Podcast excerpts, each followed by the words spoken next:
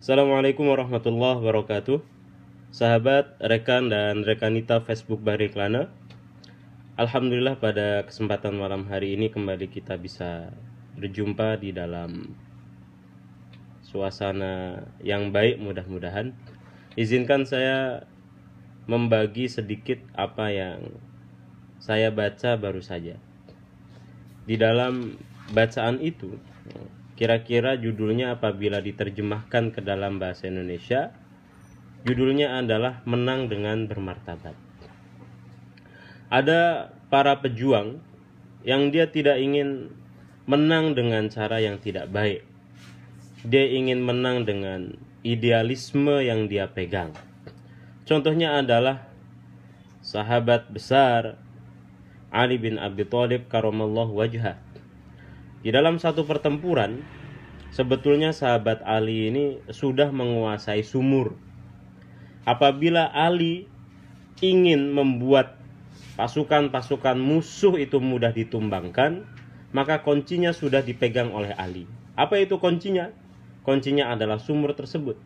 Kalau saja Ali mau membuat musuh-musuhnya itu kehausan, tidak bisa mendapatkan air karena sumur sudah dia kuasai, maka musuh akan dengan lebih mudah untuk ditumbangkan. Tetapi Ali bin Abi Thalib tidak menginginkan cara yang ini karena cara ini adalah cara yang tidak bermartabat. Maka kemudian Ali memberikan akses air, memberikan akses sumur itu juga kepada musuh-musuhnya. Hingga kemudian pertarungan menjadi bermartabat, pertarungan menjadi pertarungan orang-orang yang istimewa, maka yang menang juga menjadi orang yang luar biasa. Yang kedua, ada salah seorang pemuka dari Bani Taglib.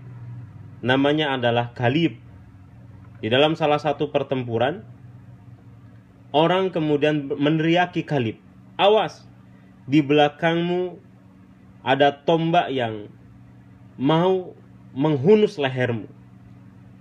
Demi mendengar teriakan orang-orang tentang tombak yang akan menghunus lehernya Kalib tidak menoleh sedikit pun.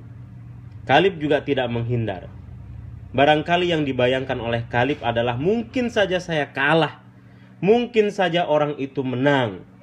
Tetapi bagi Kalib, dia menang tidak bermartabat.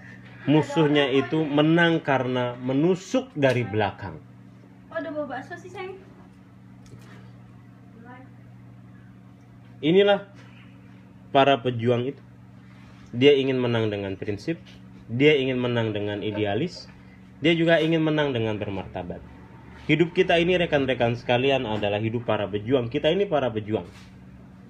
Profesi apa pun kita, kita ini adalah pejuang, maka kita harus menang di dalam kehidupan ini dengan memegang idealisme kita. Yang bertugas sebagai pebisnis, maka kita harus menang secara bermartabat. Kita tidak mengambil hak orang dengan cara yang curang apa pun itu. Foto orang kita ambil copywriting orang kita ambil kemudian kita post seolah-olah itu adalah punya kita padahal itu punya orang. Itu adalah hak orang. Bagi kita yang bertugas berprofesi sebagai pekerja kita juga harus menang secara bermartabat. Kita tidak senggol kawan kita kita juga tidak injak kawan kita kita tidak sikut kawan kita kita tidak korupsi waktu misalkan dalam hal apa pun rekan-rekan sekalian kita harus menang secara bermartabat. Kita harus tetap memegang prinsip kita.